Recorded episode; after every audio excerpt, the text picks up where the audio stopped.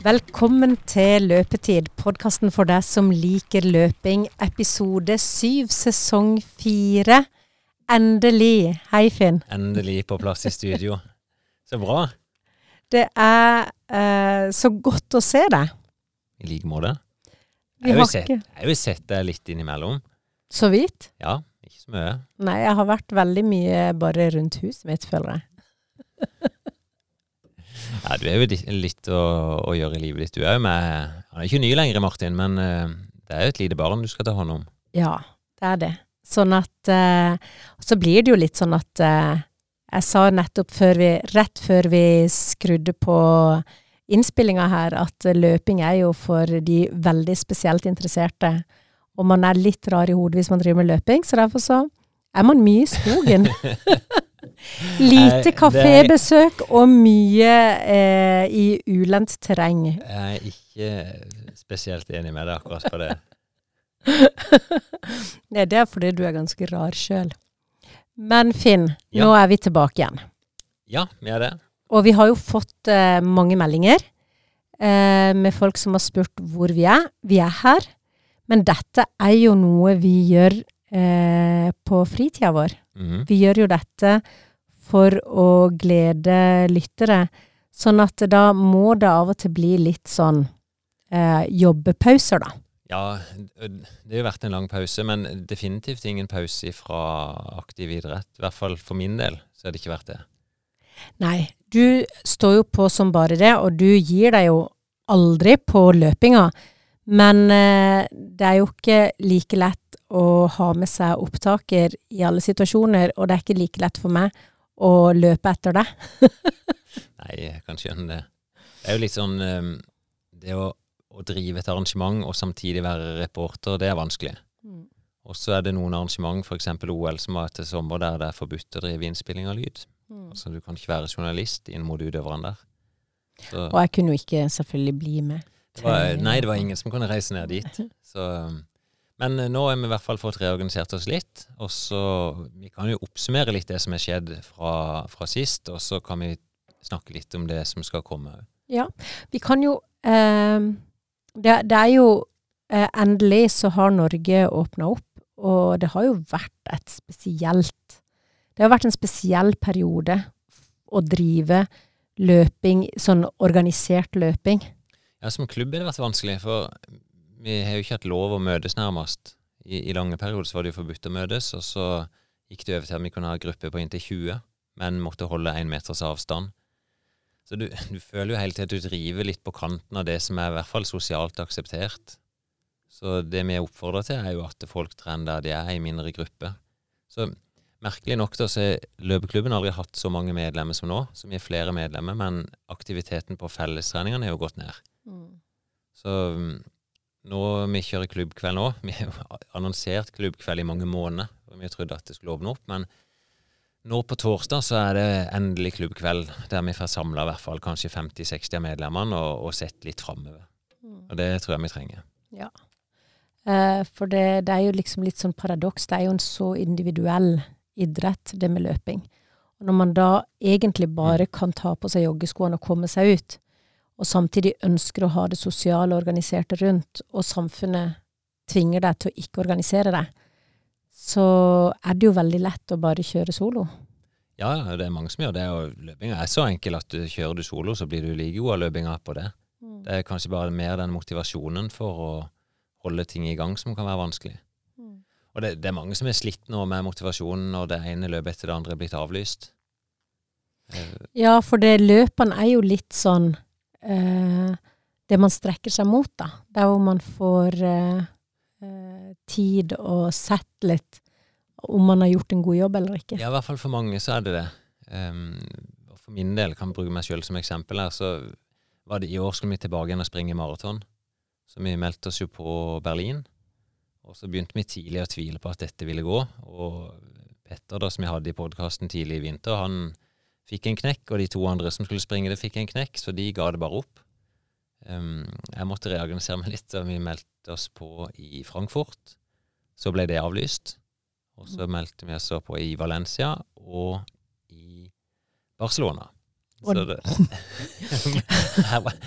liksom, En eller annen plass så vil det bli arrangert. Ja. Så nå stender jeg i hvert fall med startpass i Barcelona 7. november. Og for meg som har fulgt deg i fire sesonger nå, så begynner du å se ut som sånn som du ser ut når du begynner å nærme deg et maraton. Ja, Du merker at jeg begynner å bli tynnere igjen? Ja. Jeg merker litt sjøl. Og det mm, Dessverre, kan jeg kanskje si, så vet jeg jo hva som må til for å nå de målene som jeg er satt med. Og jeg er litt tilbake der at nå er målet pers, og da skal det løpes en god del antall kilometer. Og kanskje det tøffeste ja, sidestilt av antall kilometer, det er å gjennomføre si seks til åtte maratonspesifikke økter. Ja. Og det er, det, det er tungt for meg, og det er tungt for deg for å gjøre de samme øktene. Og det er jo typisk økter som varer fra la oss si, de varer fra to til to og en halv time. Mm. Og da er det Jeg syns det er tungt å gjennomføre mentalt, og det er nesten sånn at kvelden og ettermiddagen blir litt ødelagt etterpå. Ja, for du graver deg langt ned i kjelleren. Jeg har gjort det, ja. Ja. Du, du er god på det. Jeg satt forrige søndag etter en tremilstur. Det var første turen med litt grann fart. Og for min del da springer jeg litt over fire minutter på kilometeren. Um, berga meg helt hjem, men jeg ble liggende på badegulvet i hvert fall 15-20 minutter før jeg klarte å sette meg opp. Hvordan fungerer hjernen din da? Fordi min hjerne fungerer med at uh, dette trenger du ikke å gjøre, det er bare å stoppe. Uh, kanskje ikke dette var dagen du skulle gjøre dette på. Hvorfor tar du ikke bare en snarvei og kommer deg hjem og finner på noe annet? Jeg tenker nesten motsatt, at jeg vet at det er dette jeg må gjennom. Så når den er gjort, så er det kryss i boka, og så vet jeg at uh, neste økt kommer innen fem til ti dager. Som er den kaliberen der, da. Og det som er fint, og da, nå sprang jeg det var mer eller mindre samme økta igjen i går, og da kommer jeg, eh, kommer hjem og føler meg egentlig helt fin. Ja. Og var ute nå i lunsjen i stad og ser at eh, kroppen er egentlig fin. Så da, da ser jeg jo at kroppen adapterer og, og begynner å bli forberedt på det han skal gjøre. Er det Hvor mye av den at kroppen er fin, er mental? At du på en måte Ja. Ja, det er et godt spørsmål. Ehm, det mentale betyr veldig mye. Og er nok litt der at en skal ikke føle for mye. Mm. Det kan komme mange rare signaler, som du forteller om Ja. sjøl, at uh, dette er ikke rett. Men jeg er nok litt sånn at jeg bestemmer meg for at jeg skal gjennom noe, men jeg kjenner på kroppen i forkant om er, det, er kroppen virkelig klar. Så sånn som denne uka, så skulle jeg egentlig hatt ei litt hardere maratonøkt i høy fart. Den måtte jeg skyve på fordi jeg var så sliten etter den økta på søndag der jeg lå på badegulvet. Mm. Så da ble det tre, ny tremilstur på søndag nå. Nesten sånn at hele planen min ble forskjøvet ei uke. Men nå kommer jeg til å være klar igjen på en ny maratonøkt på torsdag. Mm. Du kjenner jo løpekroppen din veldig godt, da. Ja, jeg gjør det.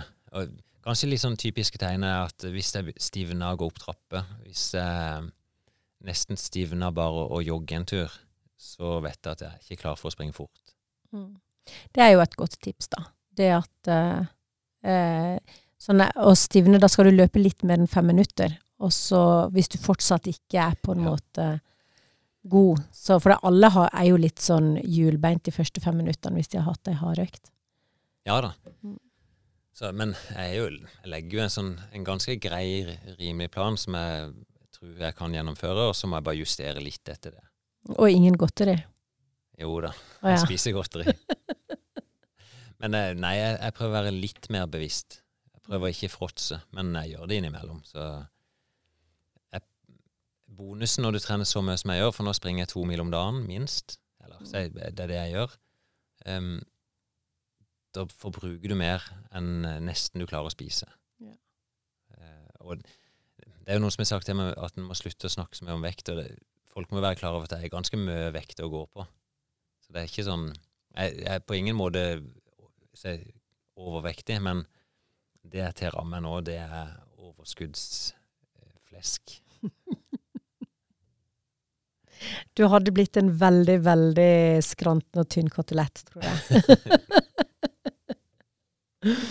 Men du Finn, Ja. det har jo skjedd, eh, som du sa. Så for fordi om noen av oss har eh, sett mest løping på TV, mm. så har du fulgt eh, Løpe-Norge eh, tett, tett, tett disse månedene vi ikke har vært eh, i podkasten. Ja, jeg, jeg, gjør jo det. Nei, det viktige, altså sånn Store høydepunkt for meg i sommer var jo OL i Japan. Åssen skjedde det? For jeg, jeg, visste jo sånn litt at du skulle til OL. Mm. Men ringte de deg bare, liksom, fra Olympiatoppen? Ja, eller sportssjefen i Friidrettsforbundet ringte og sa at de trengte en leder som kunne ta ansvar for eh, maraton og kappgang, som gikk i Sapporo. Ja. Og um, jeg har jo vært leder på jeg vet ikke, 30-40 mesterskap for Norge tidligere. Um, og vært leder for det som heter Løftprosjekt, eller rekrutteringslandslag, uh, i mange år. Og kjenner jo disse utøverne som skulle reise ned der, ganske godt. Så ja, jeg var jo bare glad at de fant det som et godt valg, og, og spør om jeg kunne være leder for det. Så jeg takka ja tidlig i vinter, og egentlig vært forberedt på det. Så da jeg jo reist med Det var jo Håvard Haukanes som kvalifiserte seg på kappgang. Så jeg reiste med han til Spania. I slutten av mai, var vel det. For å bli litt mer kjent med kappgang, og åssen de forbereder seg inn i en konkurranse, og åssen de gjennomfører alt dette med drikking. Det ser så vondt ut i hofta. Ja, altså de er myke i hofta. De får ikke, stort sett ikke noe plage der. Det er mer sånne ankler og knær, og det kan være rygg som eh, er belasta. Mm. Men de er ganske mobile i hofta. Så mm. de skal jo helst ikke vrikke og falle ut i hofta, som noen gjør på et vis med en feil, men de skal vri hofta. Ja. Nei, men i hvert fall ble ble godt kjent med Håvard, og så var det Sondre som jeg har vært med i Kenya med. Han eh, var jo kvalifisert til maraton. Så det endte jo med at det bare ble de to. Og det kunne potensielt blitt en to-tre stykk til som var kvalifisert. Men det var de som skulle følges opp. Så da Ja, det har vært mye forberedelser sammen med Olympiatoppen. Normalt ville det vært samlinger inne på Olympiatoppen på Sognsvann, mens nå måtte det tas på Teams.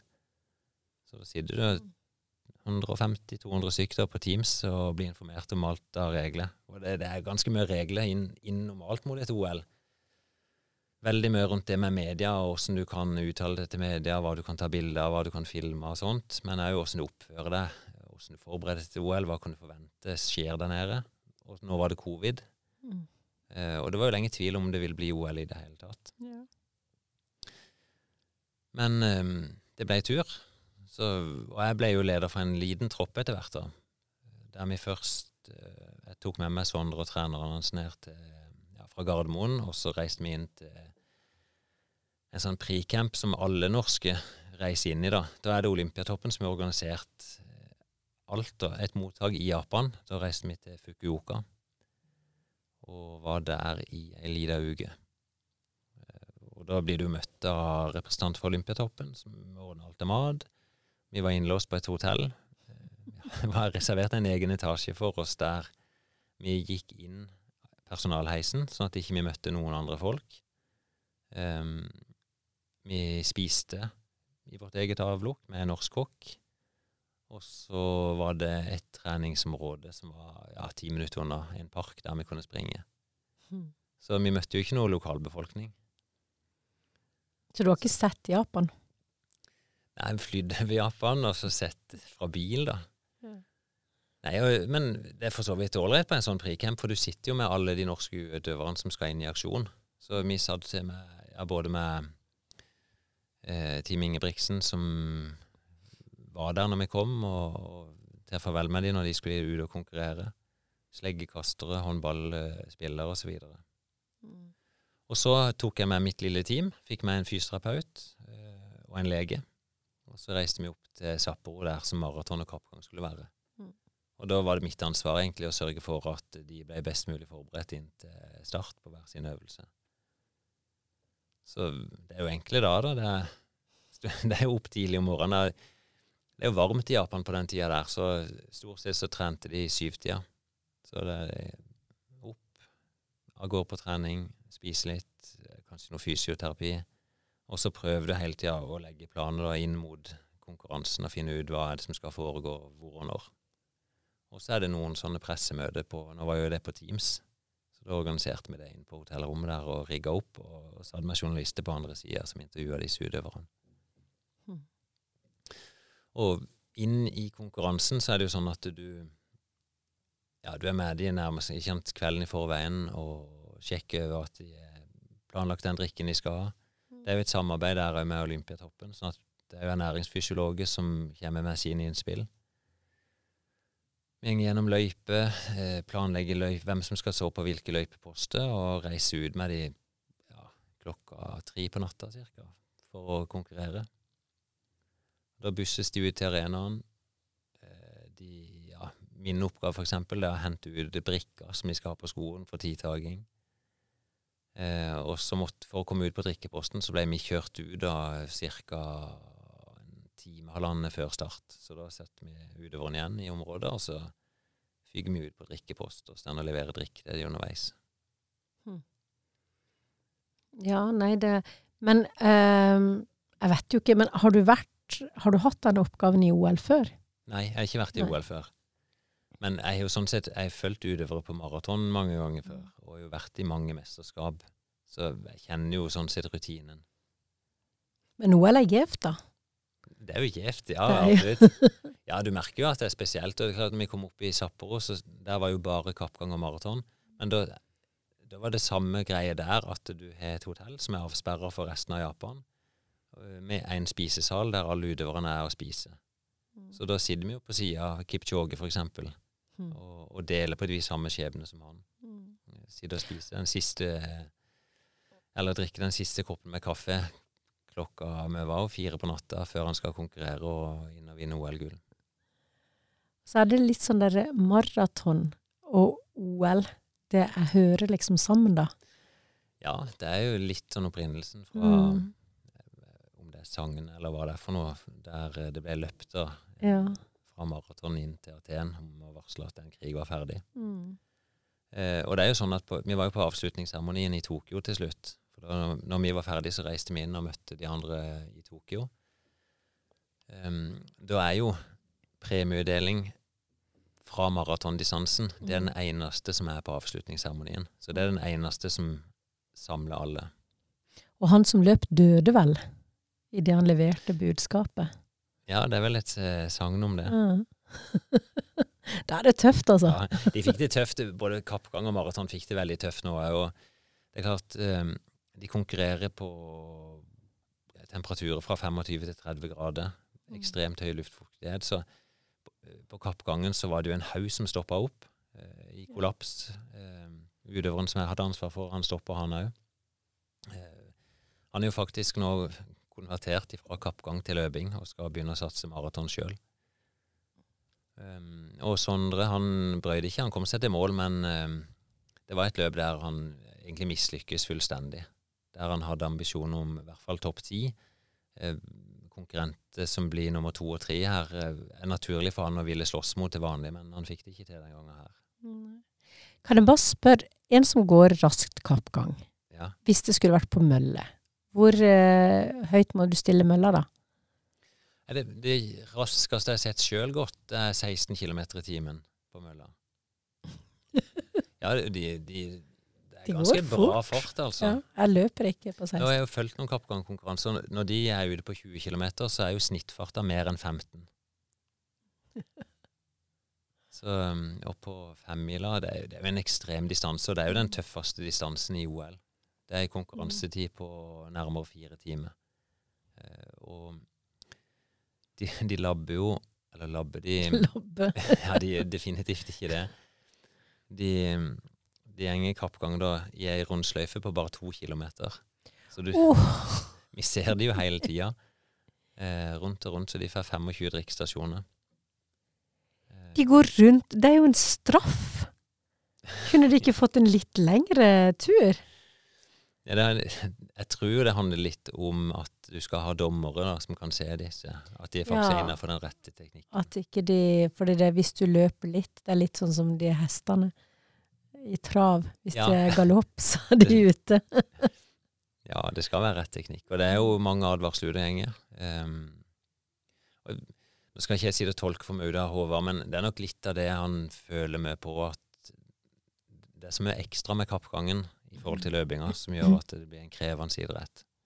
Så kan du se det, det er noe av sjarmen med det, men det er et moment som du kanskje blir lei av etter hvert, at du hele tida må jobbe med det tekniske, og du, du skal begrense det samtidig som du skal hente ut ditt yt Ja. ytterste.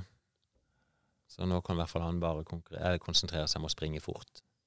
Ja, for alle som, i hvert fall som barn, da, som har liksom tullegått kappgang eh, mot en annen person, man ender opp med å løpe litt, eh, fordi man liksom blir litt gira. Ja, Så det er jo veldig lett å hoppe over, liksom, og begynne å løpe. det er egentlig enkle regler i kappgang, men de er vanskelig å holde. Ja.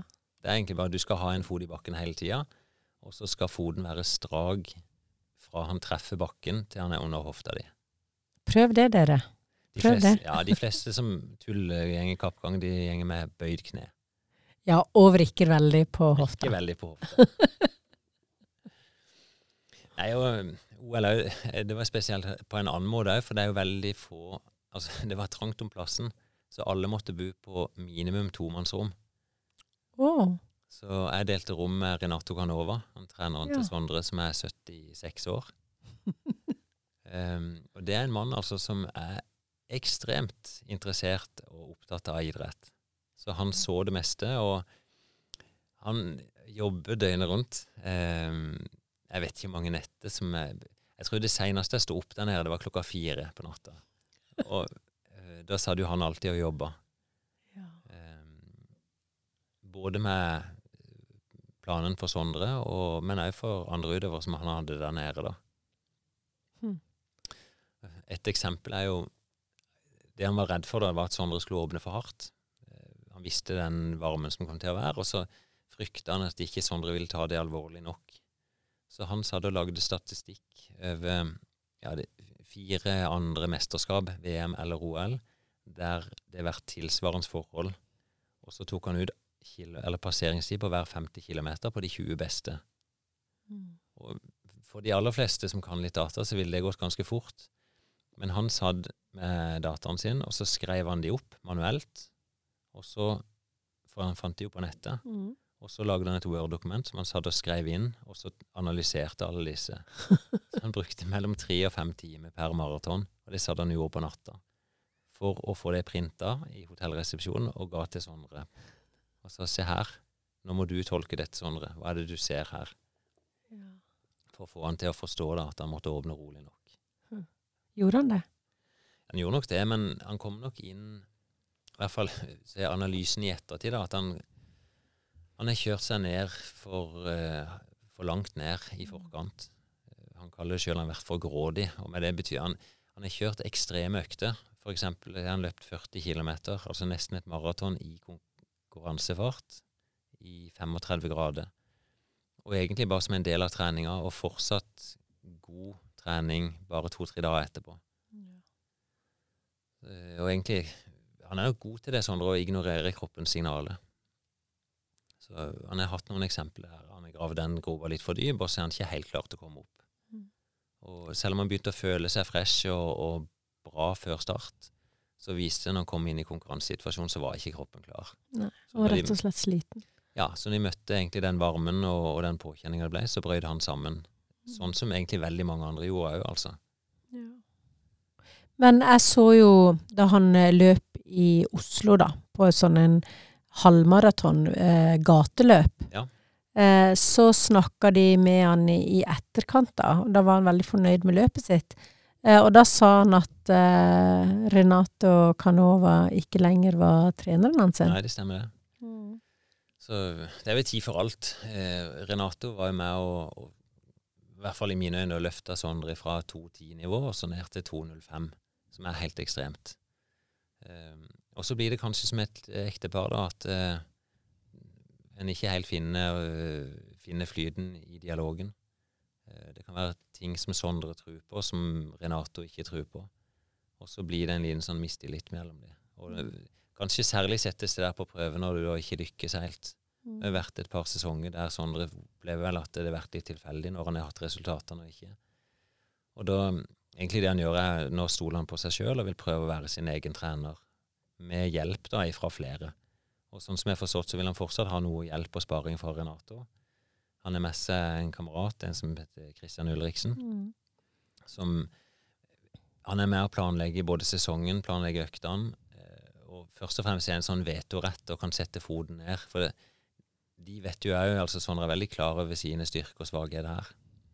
At eh, han vet at han kan bli for pushy når ting går veldig godt. Mm. Og, og, da er dealen med, med Christian da, at han kan sette ned foten og stoppe han. Og når du så han i Oslo, for eksempel, så var jeg Der var foten satt ned på 1.03. Altså, Sondre skulle ikke springe fortere enn det. Han skulle ha det gøy, ha det greit, og så springe på 1.03. Da sprang Sondre på 1.02. og det samme Jeg fulgte Sondre på et løp borte i Spikkestad. Da var planen at han kunne springe 2,50 fart, altså 29,10. Men eh, det blir likevel litt hardere på den gassen, så han mm. sprang 28,40 ca. Blir man stolt da som trener, eller blir man sur som trener? Ja, det er noe ambivalent, det der. tror jeg. Det, det er alltid godt å få bekrefta at treninga fungerer, og at det, det, du håper du kan oppnå, at det, det flyter ganske godt. Og så ønsker du jo selvfølgelig da at ikke de grensene skal krysses. Mm. Men klart, det er jo en, jeg tror jo de har en fin dynamikk, og, og Christian er en, de som kjenner han er en veldig tydelig kar. Han sier rett ut hva han mener. Og han og Sondre da klarer å ha gode, fruktbare diskusjoner rundt det. Mm. Så, og det er nok først og fremst det en utøver som Sondre trenger. Han er så, altså han, han kan dette faget så utrolig godt. Kanskje best av alle. Eh, men han trenger likevel noen som kan riste litt i han når ting blir for galt. Det var eh, igjen eh, litt sånn lekeinformasjon. Eh, eh, der så han på TV-en.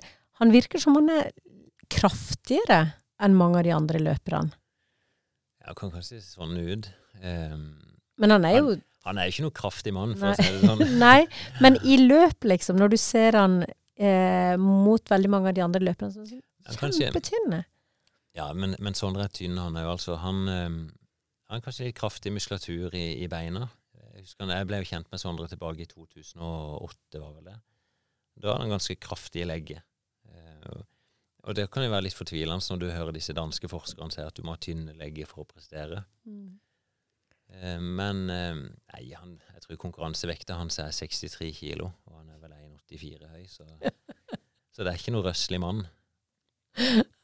Jeg tror jeg var var vel 16 år sist gang jeg kunne se 63 kilo på vekta. ja.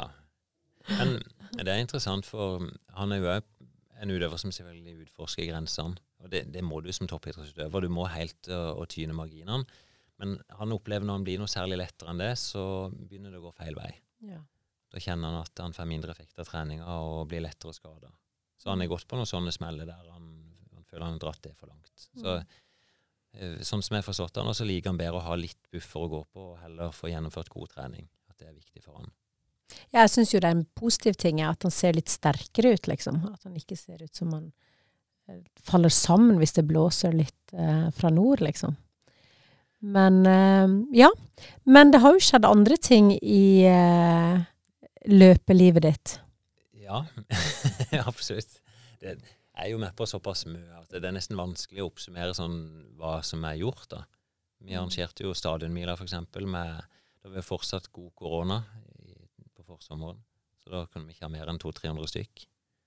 Eh, kjempearrangement for oss. Eh, og fått etablert oss nå med at folk vet at skal du springe en god 10 000 meter, så kommer du til Kristiansand når vi arrangerer stadionmila.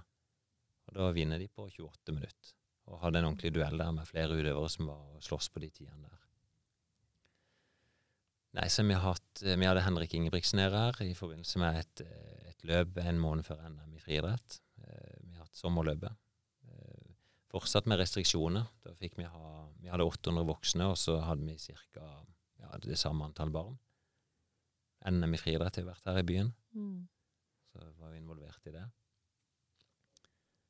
Eh, helga. Så jeg har arrangert bortlig Bortli opp, motbakkeløp, oppe på der jeg hytte. Og dagen etterpå så var det Rosa sløyfe. Mm. Der vi hadde eh, ja, nesten 500 damer. Nei, damer er feil å si, for det var jo både damer og menn. Og hunder og katter og alt ja, det. Det er jo et løp som er litt annet fokus enn akkurat bare å springe fort, men at du springer for en sag. Mm. Så nei, jeg er nok eh, involvert kanskje i ja, veldig mye av det som skjer på Sørlandet innenfor løping. Um,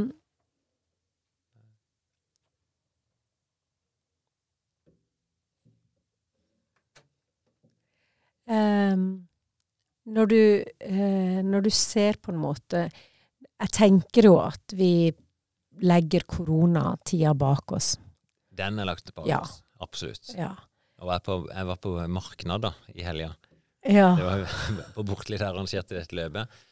Um, det er sånn skikkelig bygdemarked. Hyttefolk. Det er liksom høstferien til Rogaland og Agder. Den, det er den helga der begge samles.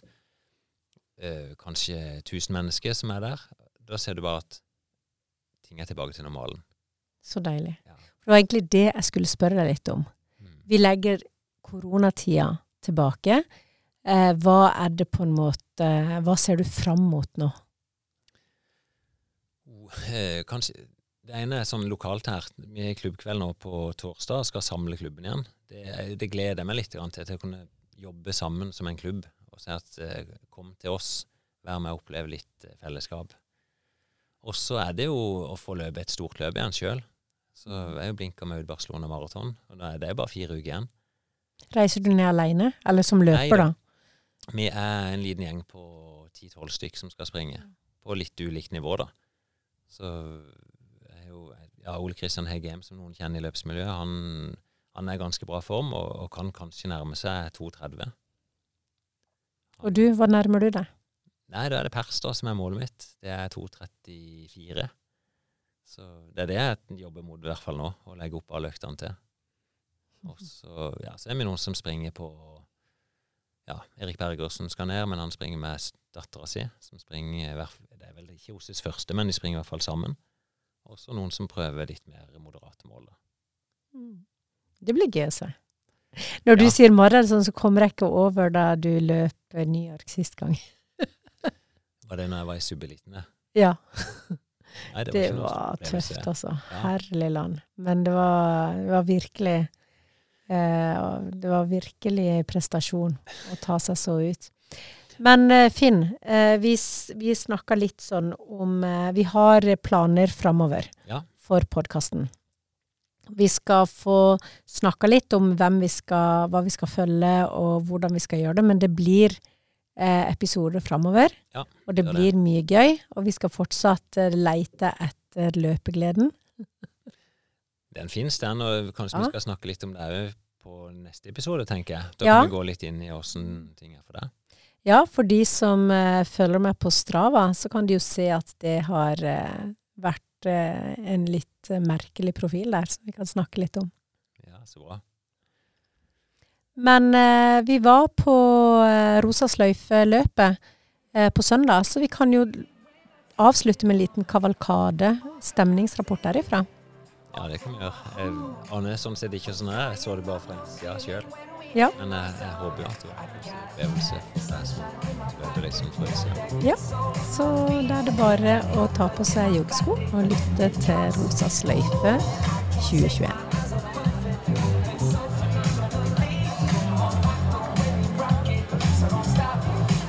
Før trening og sånn. Med rosa sløyfe. ja. Du, det er, nå er det tredje-fjerde ganger vi arrangerer i Kristiansand. Og så er det, det er Springtime eller Runners World som arrangeres sammen med Kreftforeninga. Og så er det løpeklubben som er ansvarlig for å egentlig mekke løpet. Så, og da er det meg som er ansvarlig da, for dette. Tommy, Hei! det er jo ganske lenge siden vi har vært her, både du og meg. Ja, nå begynner det å bli en stund siden vi har fått lov å være ute og leke sammen. Ja. Og nå er vi jo på et løp vi har vært før. Her har vi vært før. Her er det fint. Nå er vi på Bystranda i Kristiansand og skal prøve oss på Rosa sløyfeløpet igjen. Ja. Ja, Er det seks kilometer? selvfølgelig. Det er jo der det er tidtaking, og da må jeg være der. Og nå er jeg jo heldig og har eh, Jeg har jo noen bein som faktisk er godt trent. Så jeg må utnytte den lille formen jeg har. Så tenker jeg at da, da prøver vi oss på å se om vi kan perse her i dag. Ja, og hva vil det si? Da må jeg under 25,5 minutter. Så eh, jeg skal legge av gårde i sånn 4.20, tenker jeg, og så håper jeg at det holder hele veien inn. Det er greit. Se her, så er det noen som skal hjelpe til her. Ja. Hva er navnet? Kjartan Bjelland. Ja, 279. Da skal jeg til sammen. Nå skal du få rosa ting og tang som du Ja. kan pynte deg med. Ja, ja. Og så gleder jeg meg til å se hvordan du føler det på start. Men du, det er jo litt spesiell dag for oss da, dette her. Ja, forrige, for to år siden så var han knallrutten her på, som nå akkurat har blitt to år, så var vi her sammen.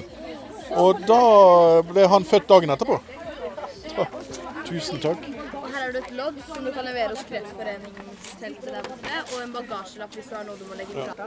Ja, Det er jo stort for oss, men det er jo egentlig Det har jo ikke å si, egentlig. Det er jo eh, det gøyeste er jo at vi er her år etter år etter år, og du vet aldri at du skal løpe. Nei, nei, nei. Dette får bli en trim, trimtur. Og en jeg hyggelig- deg Ja, og jeg lar meg lure. Ja da. Ja. Se der. Hei. Stor heiagjeng. Ja, helt fantastisk. Ja, veldig rørende. Nei, det er veldig fint. Jeg har støtta det flere ganger før òg.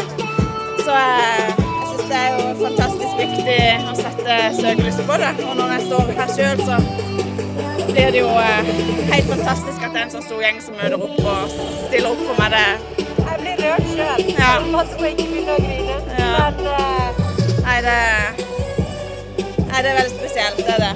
Rørende. Fin gjeng. lykke til. Tusen takk. Både med løpet og med tida som kommer. Tusen takk. åtte, syv, seks, fem, fire.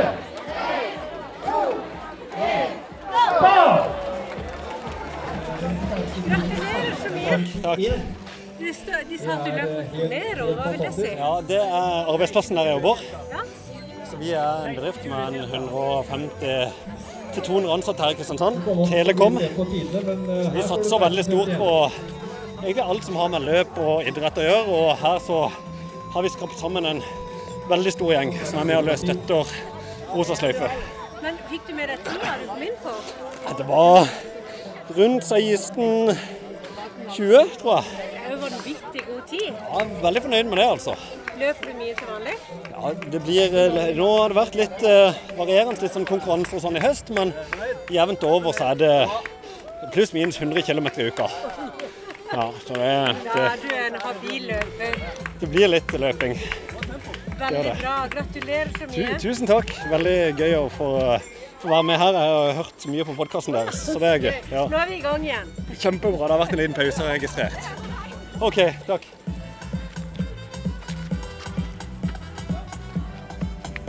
Ja vi. Med...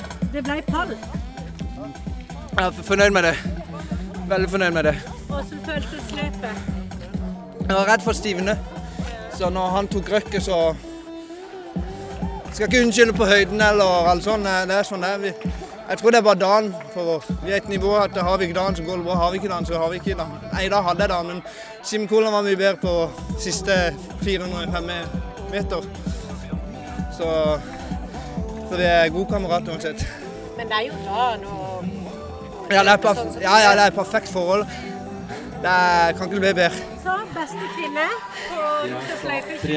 på raskeste Det er kjempegøy.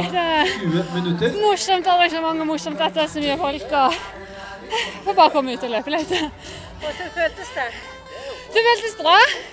Eh, god temperatur, god stemning, eh, gøy musikk og folk som heier langs løypa. Hei. Du har hørt rykter om at det var en som løp sinnssykt fort. Ja. Og så har eh, jeg en podkast om løping. Ja. Vi snakker om løping. Jeg lurte på om jeg kunne stille deg noen spørsmål. Ja. Hva er det du heter for noe? Elias. Og er du med i KIF, eller? Ja. Jeg ser det på shortsen din. Ja. Så har du vært med og løpt Rosa sløyfe i dag. Ja. Åssen gikk det? Bra. Kan du fortelle litt om hvordan hvordan løpet var? da? Ja, løp du eh, seks kilometer? Eh, ja. Fem kilometer? Ja. Men det var en sånn distanse hvor de tok tida på deg. Husker du hvor mye du løp inn på? 21.13. Ja. 21,13. Det var sinnssykt bra tid. Ja. Er det sånn at du har lyst til å bli løp? Har du lyst til å satse på løping? Ja. Så ser du at eh, det er pappaen din som også er med, eller? Ja. Åssen er det å ha en sønn som snart tar deg hjem? Nei, det må jo trenes hardt. Men det er jo givende å ha en eh, treningspartner som eh, man er sammen med hele tiden. Så det, og i hvert fall når han Han drives jo godt av indre motivasjon, og det er ikke sånn at det er jeg som må ta med Erik Elias på løping. Det er mer han som drar med meg på løping. Så gøy. Ja. Men eh, er det sånn at dere er med begge to i klubben og løper og sånn? Primært eh, så løper jo Erik Elias eh, friidrett, så det er jo mye baneløping. Type 200 meter, 600 meter, 800 meter. Og så debuterte han på 1500 meter på Tyrvingeleken og nå i, nå i høst.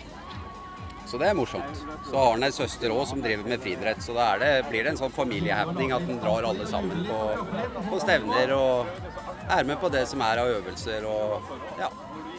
KIF er jo et veldig raust, godt miljø, og jeg ser jo det med tanke på Karsten Warholm, Jakob Ingebretsen, Hedda Hynne, Amalie Juel.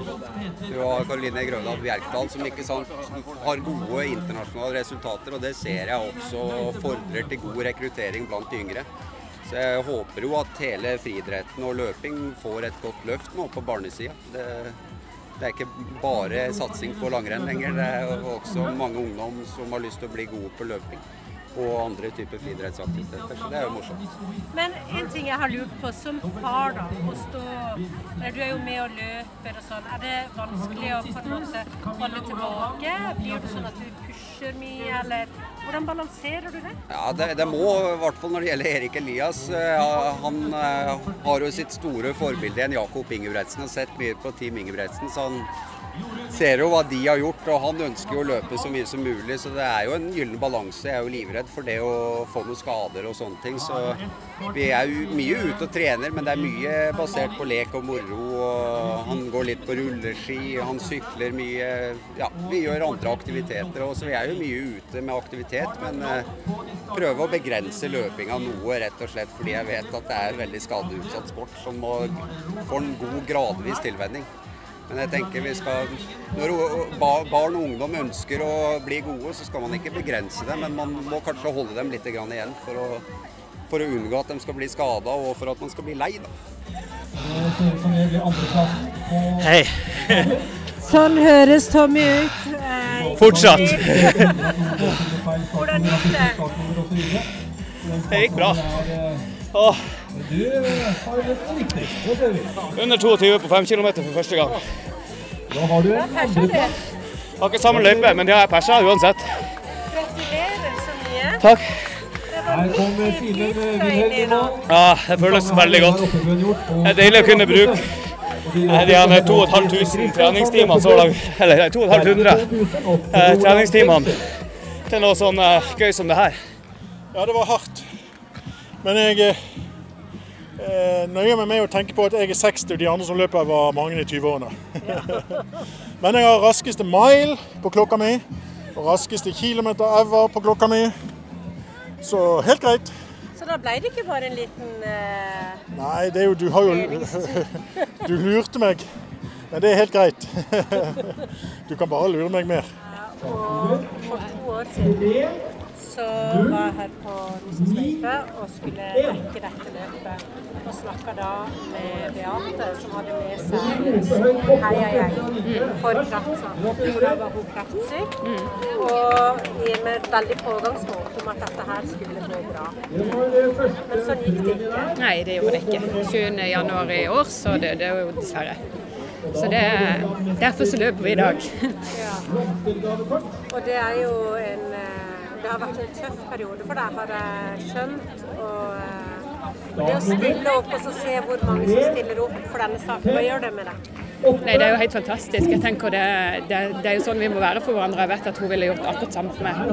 Så det, men det, er- det er sterkt, for det vekker minner. Men det er helt fantastisk uansett. Og Beate hadde jo et enormt forhold eh, helt fram til det siste. Absolutt. Hun trodde jo hele veien at dette skulle gå løpet ut. At vi, det var ingen problem. Kreft var ingenting. Men, eh, men det viste seg at det var det ikke. Så det gikk fort og galt. Eh, Og samtidig så hadde det nok gått den veien allikevel. Så, så det må vi bare, må vi bare leve med minnene. Eh, Og det vet jeg veldig mange gjør, og veldig mange setter pris på. Og den det, den pågangsjenta hun var, og det pågangsmotet hun hadde, beundrer jeg tror jeg mange beundrer henne. Så, eh, men hun er savna. Men eh, ja, Finn, hvordan føler du dette gikk? Nei, Det har gått veldig fint. Det, det er jo et enkelt arrangement for oss å ta. De kommer jo, jeg må nesten forklare det, for de kommer inn med én bil, og så rigger vi opp i løpet av en time. Alt det som du ser her. Skal bare bort på scenen. Han er da lokal arrangør av Rosa skøyteløpet. Og bare jeg vil gi ham Idet jeg intervjua Finn, så eh, måtte han løpe. Til Finn Kolstad og Kristiansand løpeklubb. Han hadde ikke lyst til å si så mye. Han er på et intervju her. Men eh, takk til Kristiansand løpeklubb og Finn Kolstad. Sånn er det. Eh, Nei, eh, de kommer med en bil også, som er bare studd til taket da, med telt og utstyr. Og alt det du ser her, har vært inni den bilen. Eh, og så er vi bare spredd ut funksjonærer. Og de, når sist løper kommer i mål, nå, så er hele løypa rydda ned. For da er vi rydda bak dem. Og så, ja, regner ca. 40 minutter fra nå, så kjører bilen. Da er alt rydda ned. Så det er effektivt, altså. Men min jobb oppi det er jo egentlig bare å sørge for at hendene til alle de andre blir brukt. Så det er jo det som s- sirkler oppi meg akkurat nå. Det er åssen vi organiserer ned riggen.